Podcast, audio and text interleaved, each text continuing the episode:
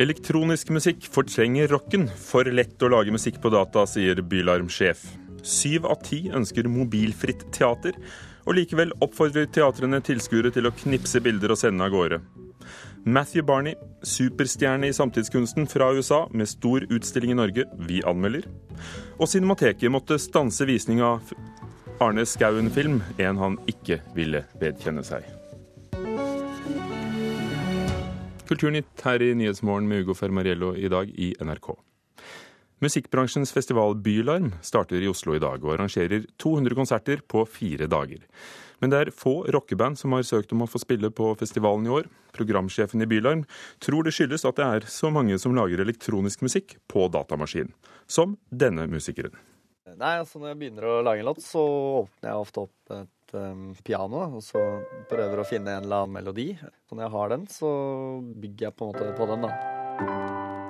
I et dunkelt belyst lydstudio i Oslo sitter Alexander Austheim med de første tonene til det som skal bli nok en hitlåt. Alt foregår på datamaskinen, slik 28-åringen er blitt vant til. Altså, første gang jeg var borti å drive lage musikk, var eh, på barneskolen. Et sånt eh, program som eh, var basert på bare klosser som der alt passa sammen. Alt var i samme toneart, og alt ble en dritkul låt. Og akkurat sånn er det en hel generasjon unge musikere som har begynt. For man trenger ikke lenger å kunne spille noe instrument for å toppe hitlistene. Alle har jo en datamaskin. Jeg tror jo det er en tendens i tida. Nå er det veldig mye elektronisk musikk som regjerer over hele verden. Sier Joakim Haugland, som er programsjef i musikkbransjefestivalen Bylarm, som starter i Oslo i dag. Bylarm har fått inn mer enn 1200 søknader fra artister som vil spille, men veldig få fra rockeband med tradisjonelle instrumenter som trommer, bass og gitar. Sånn blir det, tror Haugland, når det har blitt så lett å lage musikk på data. Det blir jo bare enklere og enklere å spille inn musikk hjemme, og at det lyder veldig bra. Skal du spille inn et band, det krever jo ganske mye. Du må jo ha øvingsrom, du må i studio, masse utstyr, og det må mikses. Det er kostbart. Er det synd? Ja, jeg syns det. Absolutt. Nå syns jeg det er veldig mye elektronisk musikk. Nå syns jeg det er litt lite mangfold, for å være ærlig, og mangfoldet vil man jo ha. Det er ikke bare på Bylarm at elektronisk musikk fortrenger rocken. I januar skrev New York Times at det ikke fantes noen rockeplater blant de ti mest solgte albumene i fjor. Og på NRK P3 sine spillelister er det i skrivende stund bare fire av 44 sanger som er rock.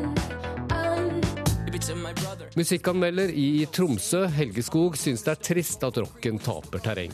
Han mener likevel det blir patetisk av Bylarm å klage over at det er så lite rock, når de ikke engang gidder å svare rockeband som ønsker å spille der. Jeg har jo vært i kontakt med noen da, som har sendt inn demo av den type musikk som Bylarm hevder at de får veldig lite ut av. Og det selskapet har ikke fått noen tilbakemelding fra Bylarm i det hele tatt. Men hva burde Bylarm gjøre da, for å fange opp mer rock? Man må kunne forvente at eh, Bylarm speiler det som skjer i uh, Musikk-Norge. Når, de snakker om sin egen demobunk, og sånn, så får du jo følelse at de sitter litt mye inne på kontoret sitt eh, i, i, Oslo. Men det er jo mulig at de faktisk burde reise litt mer rundt. Da vil de oppdage at det er veldig mye bra eh, rockmusikk som ville vært en naturlig del av eh, en norsk musikkbransjefestival. Men du kan jo se på de andre festivalene. Det er jo den samme tendensen egentlig på, på de andre festivalene også sa Joakim Haugland, programsjefen i Bylarm, reporter Petter Sommer. Audun Molde, musikkviter og førstelektor ved Høgskolen Westerdals Oslo Act, en skole hvor mange søker seg for å bli nettopp eh, musikere og musikkprodusenter. Er det riktig som Bylarm-sjefen sier her, at det, er for mye elektronisk musikk, for det er så lett å lage, og da dør rocken hen? Jeg fikk litt dårlig samvittighet nå, for vi har jo et band med tredjeårsstudenter som skal på Bilarm og på Urørt-finalen her på lørdag. Ehm, med bl.a. en som har laptop som hovedinstrumenter. Men eh, at musikken deres nødvendigvis er så enkel å lage, selv om ikke de har lange gitarsoloer, det er premisset går ikke med på. Det er jo enkelt å lage musikk på en datamaskin. Det er også enkelt å spille dårlig på en gitar, det er enkelt å synge surt. Altså Disse instrumentene er jo bare verktøy. Det som uh, skaper kunsten, er ikke verktøyene, men det som er inni hodene på folk. Det er der kreativiteten ligger. Og jeg tror det er litt sånn kortslutning å si at det er så lett å lage musikk på en datamaskin. Det er ganske vanskelig å lage god musikk. Musikk som blir spilt ofte, og som når fram til folk. Men lett eller vanskelig, er det det at datamaskinen er blitt så fremtredende verktøy som gjør at det blir færre gitarsoloer? Nå er vi inne i en bølge hvor den teknologien selvfølgelig påvirker det. Det, det har den alltid gjort, men eh, det er jo kanskje 30 år siden nå at folk begynte å lage musikk på datamaskin. Så Det er jo ikke noe nytt. Disse trendene går jo litt sånn i bølger frem og tilbake. Mats Borch Bugge, musikksjef i NRK P3. Dør rocken? Jeg tror rocken aldri kommer til å dø. Den uh, er fortsatt inne i en, uh, nede i en bølgedal og har vært i flere år.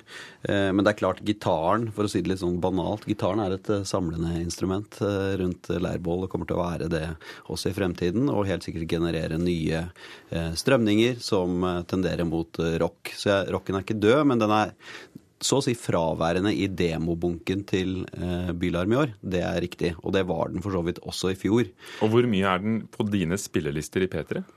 Ja, altså Rene rockeband. Nå har dere gjort en opptelling for oss som viser at uh, fire av 44 låter er rock. Men uh, det er nok langt flere av de som uh, har inneholder gitar. Så handler det litt om hvor man setter grensen for rock. Er det teknologien som har skylden, eller er det kreativiteten? Altså Skylden Dette her er jo populærkulturelle strømninger. Eh, jeg tenker at eh, nå er vi inne i en periode hvor man kanskje spesielt i Norge ser at eh, det å selge musikk internasjonalt er mulig.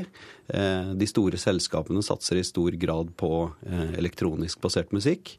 Og folk tenker da at eh, det, i dag er bra å satse på å gjøre seg gjeldende liksom på salgslister. Og så finnes det jo i undergrunnen, det ser vi med Urørt hos oss i P3, at det finnes masse bra rockeband i Norge. Og så er det sikkert en tilfeldighet at Bylarmjuryen har valgt å overse noen av de bidragene som var sendt inn i denne demokonkurransen konkurransen. Men det er jo flere rockeband som spiller under årets eh, festival. Altså Jeg kunne nevnt eh, flere navn, eh, både fra Norge og internasjonalt. Så rocken er ikke fraværende under Bylarm som sådan. Hvor blir mangfoldet av, da, ifølge, ifølge deg, Audun Molde? Mangfoldet er der. Altså, musikklivet i dag er jo hybridisert, og det finnes kombinasjoner av sjangre. Alt er der side om side. Eh, alltid så er det sånn at noe dukker opp til overflaten og går inn i mainstream og er, er en trend, men det betyr jo ikke at alle de andre tingene er borte. Mangfoldet er det på øvingsrommene våre. Da er det på Emergensa, da er det på UKM, da er det øvingsrom utover hele Norge. Husk at det er jo en stor etterspørsel i norsk musikkliv etter øvingsrom for unge band hvor idretten har masse anlegg å øve i, så er det kø for å komme inn på kulturskoler og kø for å få øvingsrom.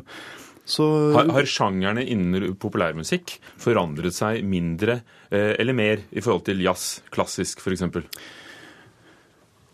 Mer i forhold til klassisk, og sikkert også mer i forhold til jazz. fordi at det er så mange sjangerblandinger. Men, men altså, både Mats og meg er jo så gamle at vi husker 1990-tallet. Og da hadde vi jo akkurat samme diskusjon da også at rocken er død pga. DJ-kulturen som kom inn i mainstream da. Og da lurte man på hva blir den nye rocken. Og så Kort etter år 2000 så, så, var jo det rock som var den nye rocken, for da kom det band som Limp Bizkit og Foo Fighters og Queens White of the Stone Age. Så disse tingene går fram og tilbake i, i bølger hele veien. Rocken er jo en uttrykksform en kunstform på linje med veldig, veldig mange andre i dag, i, i et marked med sterk konkurranse. Har dere et ansvar i P3 for å, å, løfte frem det som måtte være nede i bølgedalen til enhver tid? For å få det på toppen av bølgen? Nei, P3 har vi et ansvar for å speile og definere eh, ung kultur. Eh, og det forsøker vi å gjøre fra dag til dag. Og hvis det består i eh, urban musikk og elektronisk musikk, eh, og det er der vi finner mest de mest spennende uttrykkene, så, så, er det det vi spiller. Men jeg tenker vi har et ansvar for å vise eh, den bredden som eksisterer, kanskje da spe, spesifikt i, i Norge. Og det opplever jeg at vi gjør i veldig stor grad. Er du enig i at det er hybridmusikk nå? At det er ikke så lett å kalle ja, noe for altså, jazzen ble nevnt. Altså Jazzen er jo opptatt i populærmusikken i veldig stor grad. Så populærmusikk har jo endret seg eh, enormt og er jo fullstendig sjangeroverskridende. Altså Sjangeren som sådan mener jeg jo er død. Sånn sett er det nesten uinteressant å snakke om rock. Rock er i dag eh, noe vi ser tilbake på som en sånn enormt viktig identitetsmarkør. Eh, kanskje mer enn uttrykket i seg. Er uttrykket dødt, men ikke musikken? Nei, men altså Den rocken som oppsto på 60- og 70-tallet, det er en historisk sjanger. At det skal være opprør og obsesjon og alt det der, det hører fortiden til. Altså Hva man definerer som rock i dag, det vil endre seg hele tiden, og det håper jeg at unge musikere kommer til å fortsette å gjøre. Jeg vil anbefale alle skeptikere å se bandet 'Aiming for Enrique' under Bylarm i år. Takk skal dere ha. Mats Borch Bugge, musikksjef i NRK P3 til slutt, og Audun Molte, førstelektor ved Høgskolen Westerdals Oslo Act. Strømmetjenesten Tidal fjerner flere sjefer i Norge, det skriver Dagens Næringsliv i dag. Ett år etter at den amerikanske artisten Jay-Z kjøpte den norske strømmetjenesten, har han fjernet fem norske direktører. De to siste som er blitt fjernet, er finansdirektøren og driftsdirektøren. Tidal sier til avisen at eh, de er blitt et verdensomspennende selskap, og flytter både regnskap og driftsansatte til New York, mens noen nøkkelpersoner og teknologifolkene blir igjen i Oslo. Etterforskningen av Scandinavian Star-ulykken kan bli norsk film. Det skriver Dagbladet i dag. I fjor ble det kjent at filmprodusent Karin Julsrud planlegger en spillefilm om brannen og tragedien. Nå skriver avisen at filmen skal handle om etterforskningen i etterkant av ulykken. Filmprodusenten søker nå finansiering hos Norsk Filminstitutt, og Julsrud håper filmen kan komme på kino i 2017.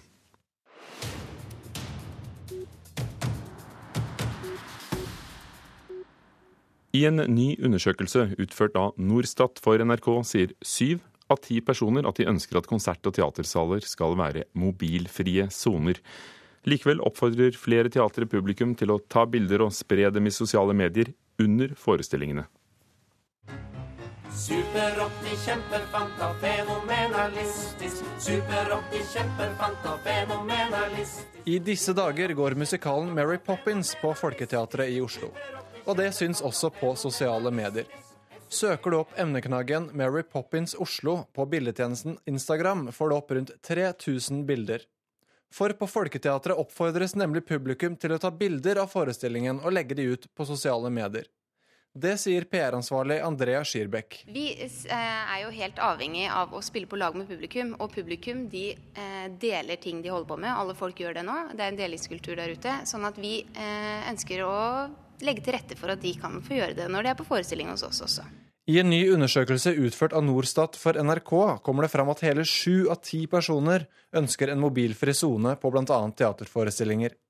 Likevel ser flere teatre verdien av å få publikum til å dele sine opplevelser på sosiale medier under forestillingene. For oss er det kjempeviktig. Vi er helt avhengig av, eh, av publikumsinntekter. Og den Talk of Town som sosiale medier er med på å forsterke, den er eh, helt enormt viktig og avgjørende for oss. Statsteatret oppfordrer også til mobilbruk. Produsent og administrerende leder Gard Eidsvoll sier de som et mindre teater trenger hjelp til å promotere seg selv. I forkant av våre forestillinger eh, sagt til publikum at de må slå telefonen på lydløs, eh, flight mode, men at de kan ta bilder underveis eh, under forestillingen uten blits, så lenge de eh, hashtagger Statsteatret. Og så trenger vi den uh, hjelpen. Det, den jungeltelegrafen som ofte disse bildene og, og, tingene slår ut positivt for vår fordel. Nationaltheatret befinner seg på den andre siden av spekteret. De ser verdien av å la publikum bruke mobilen, men forbyr det under sine forestillinger. Som f.eks. under Richard 3.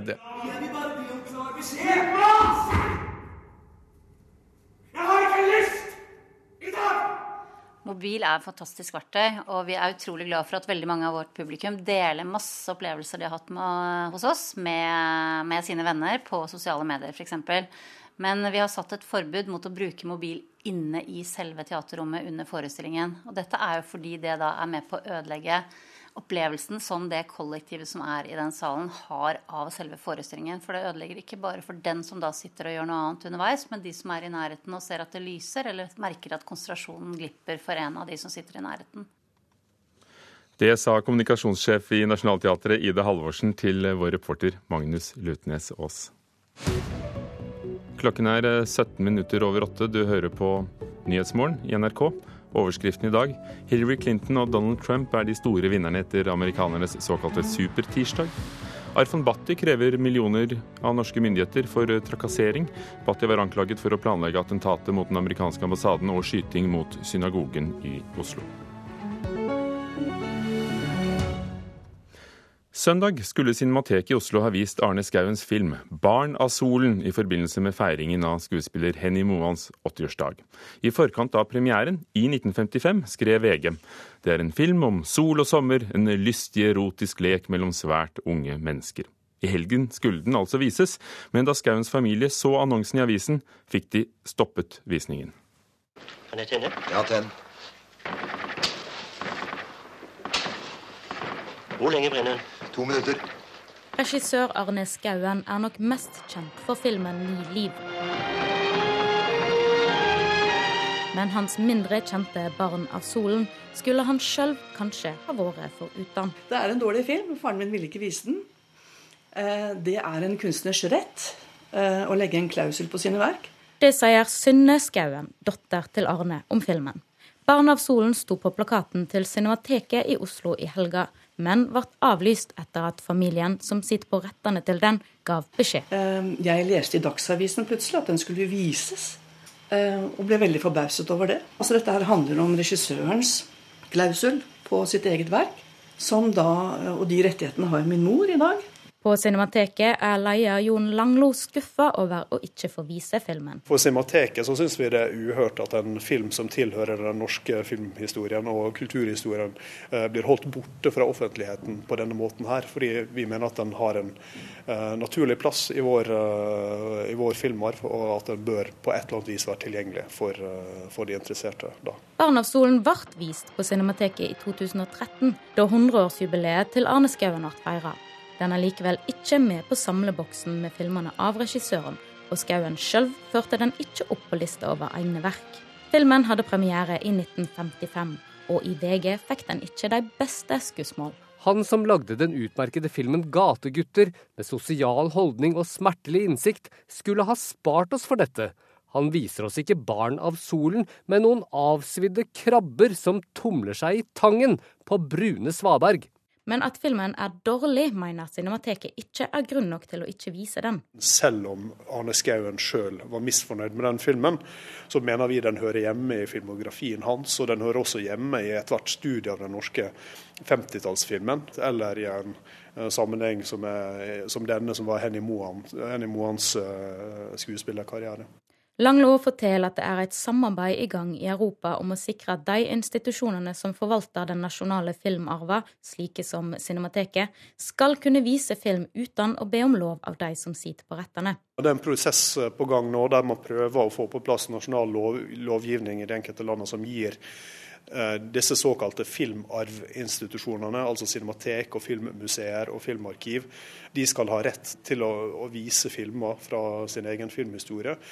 Um, under begrunnelsen av at dette er filmer som er produsert med offentlige midler, og som dermed uh, på et plan tilhører offentligheten og befolkninga. Barn av solen er tilgjengelig på Nasjonalbiblioteket, og Skauen mener Cinemateket kan vise den i rett sammenheng. I lukkede sammenhenger, og som seminarium, studium, spesielt interesserte som kanskje vil vurdere denne filmen opp mot resten av hans filmer. Men å sette den opp på kino for et betalende publikum, det har de ikke anledning til. Sa Synne Skauen, datter av Arne Skauen, og om filmen 'Barn av solen'. Reporter Katrine Elland hadde intervjuet Jan Langlo ved Cinemateket i Oslo, og så hørte vi reporter Maria Pile Svåsand også. Amerikanske Matthew Barney er eh, blitt en slags superstjerne i samtidskunsten. Nå har en ny utstilling åpnet eh, på det museet i Norge som har fulgt ham tettest, Astrup Fearnley-museet i Oslo. Den heter Bildungsroman, eller Dannelsesroman på norsk, og viser verk fra hans 23 år lange karriere. Og det blir noen sterke scener. Mona Palle Bjerke, kunstkritiker her i NRK. La oss begynne med begynnelsen. Hvem er Matthew Barney? Han er som du sier en superstjerne. Han er en, den fremste amerikanske kunstneren i sin generasjon. Og skaper prosjekter i krysningspunktet mellom film, performance og skulptur, som vever sammen drøm og fantasi med faktisk historie og eldgamle myter. Så det er veldig rike, spesielle fortellinger. Jeg så da hans kremastersyklus, som er det han er aller mest kjent for, på Guggenheim i 2003, og det gjorde et utslettelig inntrykk på meg. Jeg tror kanskje det er den enkeltutstillingen som har eh, gjort sterkest inntrykk på meg. Så jeg gikk til denne utstillingen her med veldig høye forventninger. For det var jo en utstilling hvor deler av den ble også vist på Astrup Fearnley-museet Ja, i 2004, og fikk veldig mye omtale. Her eh, denne gangen er både gamle og nye verk samlet. Det aller nyeste heter 'River of Fundament', som varer i seks timer. Hva er det for noe? Ja, Det er altså en film eh, som vises, blant annet en film som vises på mm, Cinemateket. Og dette er et ambisiøst, storslagent, episk hybridverk. da, som er, eh, Hele verket er jo film og skulptur, og slik eh, han lager det. Og, men denne filmen den eh, baserer seg da løst på Norman Mailers bok, eh, bok eh, 'Ancient Evenings', som utspiller seg i det gamle Egypt. Men filmen handler også om den amerikanske bilindustrien. Og her er det sterke bilder. Her kan vi se folk som stiger opp av kloakken. Her er det mye kroppsvæsker. Et sted ser vi nærbilde av et kvinnelig underliv som føder ut en liten fugl. Og filmen begynner også med en veldig spesiell scene med et samleie mellom to menn, hvor en av rollene er da Matthew Barney selv, og hvor det tyter ut en sånn metallisk væske ut av munnen hans. Og dette henviser jo til de støpescenene som spiller en veldig viktig rolle som et refreng i filmen, og som er også en metafor for eh, gjenfødelse og transformasjon, da, som er viktige temaer hos eh, Barney. Det er jo ganske poetiske bilder du beskriver. Det her er det både sanselige, vakre bilder og ganske motbydelige bilder med sex og avføring i kombinasjon, og veldig så her, eh, et rikt og sterkt univers. Kremastersyklusen, som du hadde sett på Guggenheim i New York, og, og den ble vist eh, delvis også i Oslo, det var jo ikke bare film, men også tegninger, bilder, skulpturer, installasjoner. Nærmest en hel verden. Er også dette nye verket det? Ja, det er det, men det, det får vi dessverre ikke se på Astor Fearnley-museet. For det, av de 85 skulpturene som man har laget til River of Fundament, så er det bare én utstilt på Astrup Fearnley. Og det er, Er det synd? Ja, det er veldig synd, syns jeg. fordi at på Kremaster-utstillingen så var det jo mange som ikke så filmene, men likevel har de sterke, rike bilder av dette universet. Det får ikke publikum denne gangen, fordi det er da to enkeltvisninger av denne seks timer lange filmen. Og sannheten er selvfølgelig at veldig få vil få dette med seg. Og det betyr at de går glipp av hele dette nye, sterke universet til Barney. Eh, I stedet så kan de da selvfølgelig fordype seg i kremastersyklusen og andre eldre verk. Men jeg syns det er veldig synd at utstillingen ikke gir større plass til det nye. For det er ganske sanselig, disse kremasterverkene som står der. Kan du beskrive hvordan det er å gå inn i de skulpturene? For det, for det lukter jo til og med. Ja, det er veldig sanselige skulpturer, og de forteller jo disse rare, underlig drømmeaktige fortellingene. Vi får se noen installasjoner eh, som eh, skriver seg fra de forskjellige kremastersyklusene her, og der man, kan man se bilder og virkelig ta inn over seg disse spesielle fortellingene. Det jo blitt en god utstilling. Det er det på mange måter, men jeg er altså som sagt skuffet over at det nye får så liten plass, og at det er veldig sånn tilbakeskuende. Men det er klart at her, de som ikke kjenner kremastersyklusen, kan må jo stifte bekjentskap med den og andre verk av barnet nå.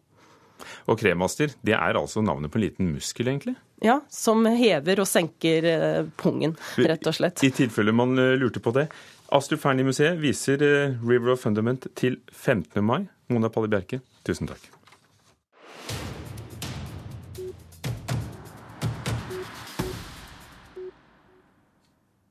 Bussjåfører har en eh, spesiell plass i teaterstykket som eh, nå har norgespremiere på Kilden teaterkonserthus i Kristiansand i kveld. I kjærlighetsbrev til kollektivtrafikken hylles sjåførene for alt de betyr for oss i hverdagen. I 16 år har Håkon Repstad kjørt buss. Og det er en jobb som jeg har stor trivsel i. Nå ser han fram til lyse vårmorgener, hvor han kan hente en nyvaska buss tidlig om morgenen for å kjøre rundt og hente folk som trenger tjenestene hans. De skal på jobb, på skole. De, eh, noen er kanskje ensomme og trenger mitt lille smil, som jeg forsøker å gi så godt jeg kan. Tidligere denne uka var Repstad og flere andre bussjåfører fra Kristiansand på prøveforestillinga til teaterstykket 'Kjærlighetsbrev til kollektivtransporten' på Kilden teater og konserthus. Monologen med 23 år gamle Ingrid Klem i rollen som Molly er en hyllest til kollektivtransporten, og til alle som kjører buss, tog, fly og drosjer. Men det er òg en hyllest til kjærligheten, både når den lever og når den går i stykker. Jeg må bare si at jeg beundrer jo eh, Ingrid Klem for den jobben hun gjorde. Hun eh, satte følelser i sving, og hun eh, var med og satte, eh, pekte på ting som, som vi som sjåfører kjenner på i, i hverdagen. Så jeg begynner å legge fra meg små lapper på busser og på trikker og tog med 'Tusen takk, sjåfør'. Meg trygt hjem i dag. I kjærlighetsbrev til kollektivtransporten forsøker hovedpersonen å si takk til alle sjåfører. Alle som har fått henne videre når livet har gått litt i stå. Repstad har møtt flere som Molly. Ja, jeg opplever jo at folk eh, er bare med meg for å være med. Eh, rett og slett fordi at eh, de føler godt ved å bare sitte og høre bussturen og se på folk som kommer og går, som en, en slags eh, avkobling eller en, en flukt fra et eller annet. Molly i stykket har to mislykka kjærlighetsforhold bak seg, sier skuespiller Ingrid Klem. Og heller enn å bli bitter og på en måte drukne i sorgene, så finner hun ut at det er viktigere å sette pris på de øyeblikkene hvor hun var glad, og de toppen av fjelltoppene hun faktisk fikk oppleve. Og det hadde ikke gått uten sjåfører. Og i denne oppdagelsen så går det opp for henne at alle sjåfører i samfunnet de er totalt fremmede. Hun har aldri sagt takk for turen, egentlig, aldri spurt hva det heter, og satt pris på det. Ja, jeg syns det er så flott at vi nå endelig blir fokusert mot eh, på en positiv måte. Hvis jeg har lyst til å klage på kollektivtransporten, alltid noen som vil hjelpe meg med det. Men hvis jeg har lyst til å takke en sjåfør for jobben, må jeg bli sjåfør selv, da! Ingrid Klem som Molly til slutt før premieren på Kilden i Kristiansand i kveld. Vår reporter var Miriam Grov. Så minner jeg om at Kulturnytt finnes som podkast for deg som vil eh, ta med sendingen i lommen. Legges ut eh, like etter hver dags nyeste utgave. Thomas Alverstein Ove var produsent i dag. Ugo Fermarello programleder. Du hører på Nyhetsmorgen i NRK. Klokken er straks halv ni.